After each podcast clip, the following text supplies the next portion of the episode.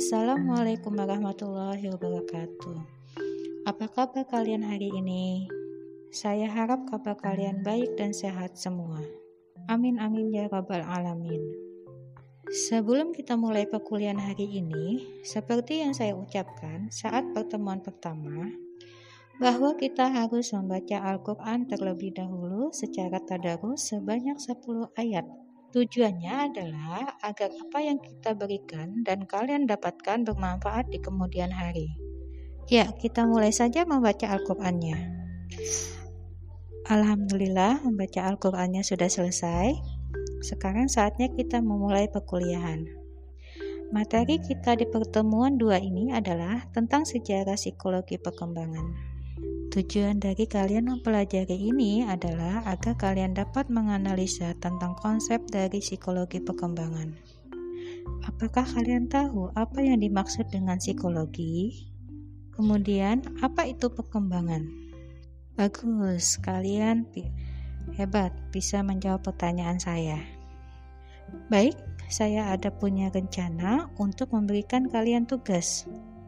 Tugas ini dikerjakan secara berkelompok yaitu membuat makalah yang berhubungan dengan perkembangan manusia yang akan kalian kumpulkan di pertemuan ketujuh dan kalian upload ke ResearchGate. Baik, saatnya kita masuk ke materi yang berjudul tentang sejarah psikologi perkembangan. Sejarah psikologi perkembangan berawal ketika para ahli mulai berpikir tentang hakikat anak pada mulanya, anak dianggap sebagai miniatur orang dewasa, sehingga perlakuan terhadap anak sebagaimana perlakuan terhadap orang dewasa. Dan ternyata pandangan tersebut keliru. Saya akan menjelaskan beberapa tokoh yang perlu kalian ketahui mengenai perkembangan manusia. Tokoh yang pertama yaitu Johann Amos Comenius. Tahun 1500 1592 sampai 1671. Komenius seorang ahli pendidikan dari Ceko. Komenius menyatakan bahwa anak bukan miniatur orang dewasa. Dalam bukunya yang berjudul Didaktika Makna, dia mengajuk, menganjurkan agar pembelajaran dapat menarik perhatian anak karena itu, pembelajaran harus diperagakan agar anak-anak dapat mengamati, menyelidiki, dan mengalaminya sendiri. Tokoh yang kedua, Jean Jacques Rousseau. Tahun 1712 sampai 1871. Rousseau seorang pemikir dari Perancis. Dalam bukunya Emile All L Education, dia menyatakan bahwa segala-galanya baik ketika datang dari tangan Sang Pencipta, dan segala-galanya memburuk dalam tangan manusia. Bahwa pada dasarnya kodrat anak baik, namun apa yang baik tersebut dapat menjadi buruk karena kesalahan manusia.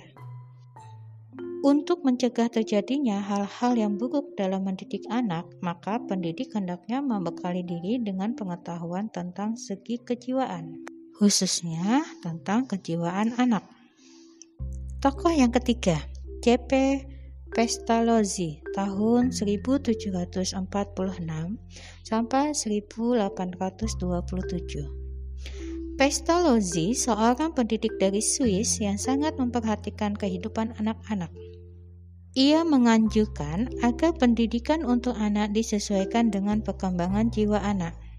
Proses pembelajaran untuk anak, menurut dia, hendaknya didasarkan pada pengalaman, dimulai dari tingkat paling mudah menuju pada tingkat yang lebih sulit. Friedrich Froebel tahun 1782 sampai 1852. Froebel seorang pendidik dari Jerman. Ia tokoh yang mendirikan kindergarten, taman kanak-kanak yang pertama di dunia. Menurut Froebel, kindergarten merupakan lingkungan baik bagi anak-anak untuk bermain, bernyanyi, dan mengerjakan tugas-tugas secara bersama. Tokoh yang kelima, Dietrich Tiedemann. Ia seorang ahli dari Jerman. Memperjuangkan agar psikologi anak diakui keberadaannya, sebagaimana ilmu-ilmu lain yang telah diakui.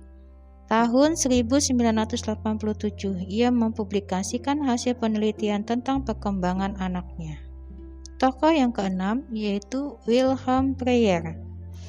Preyer seorang ahli dari Jerman yang juga melakukan penelitian seperti apa yang dilakukan Preyer. Selama tiga tahun, ia mempelajari perkembangan motorik, bahasa, ingatan, dan kemauan anaknya dengan observasi dan eksperimen. Buku yang, di, yang ia tulis di Sally des Kindes tahun 1882 menjadi bahan yang berharga bagi perkembangan psikologi anak. Sehingga pada akhir abad ke-19 sampai awal abad ke-20, psikologi anak berkembang dengan pesat. Berkat jasanya, masyarakat ilmuwan menyatakan bahwa Preyer merupakan bapak psikologi anak. Ada enam tokoh yang sudah Ibu jelaskan. Sekarang, apa saja sih objek psikologi perkembangan? Objek yang pertama yaitu objek material psikologi perkembangan, perilaku dan proses-proses mental manusia. Objek yang kedua yaitu objek formal psikologi perkembangan adalah perilaku dan proses-proses mental manusia yang ditinjau berdasarkan fase-fase perkembangan. Bagaimana metode psikologi perkembangan itu sendiri? Metode perkembangan eh, metode psikologi perkembangan ada dua. Yang pertama, metode longitudinal. Yang kedua, metode cross seksional.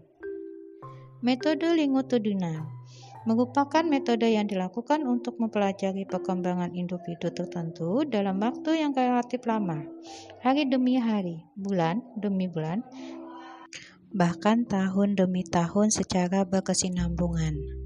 Metode cross-seksional adalah metode untuk mempelajari perkembangan individu-individu yang usianya berbeda, namun secara berurutan dalam waktu yang relatif singkat.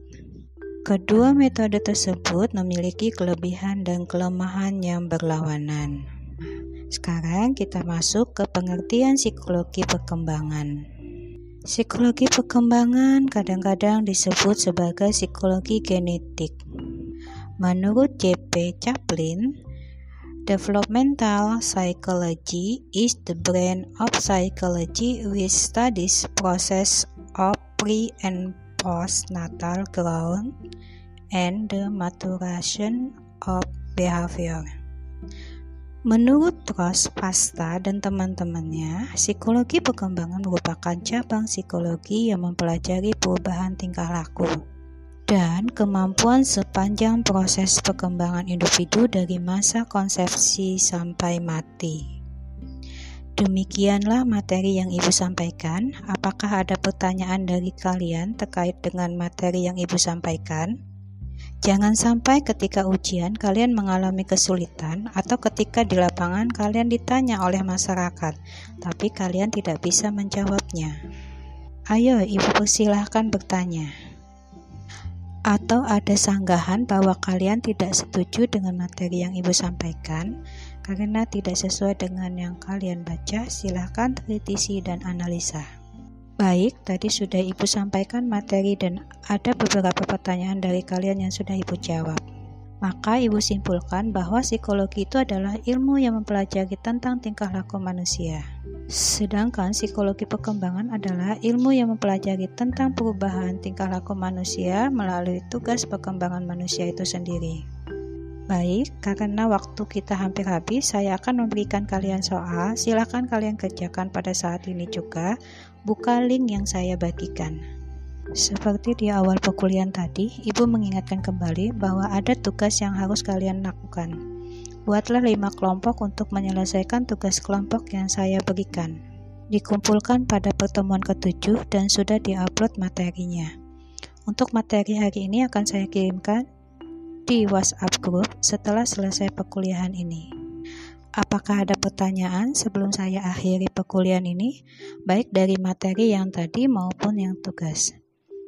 Jika sudah tidak ada pertanyaan, perkuliahan ini akan saya tutup dengan ucapan Alhamdulillah. Terima kasih atas perhatian dan partisipasi kalian untuk mengikuti perkuliahan ini. Karena ini adalah masa pandemik, maka perlu saya ingatkan, cucilah tangan sebelum dan sesudah beraktivitas. Gunakan masker jika berada di luar rumah atau di tempat terbuka. Jaga jarak dan sediakan hand sanitizer di dekat kalian. Salam sehat, bacalah kembali materi yang saya berikan, dan teruslah membuka cakrawala pengetahuan dengan mencari materi di artikel, jurnal, maupun penelitian.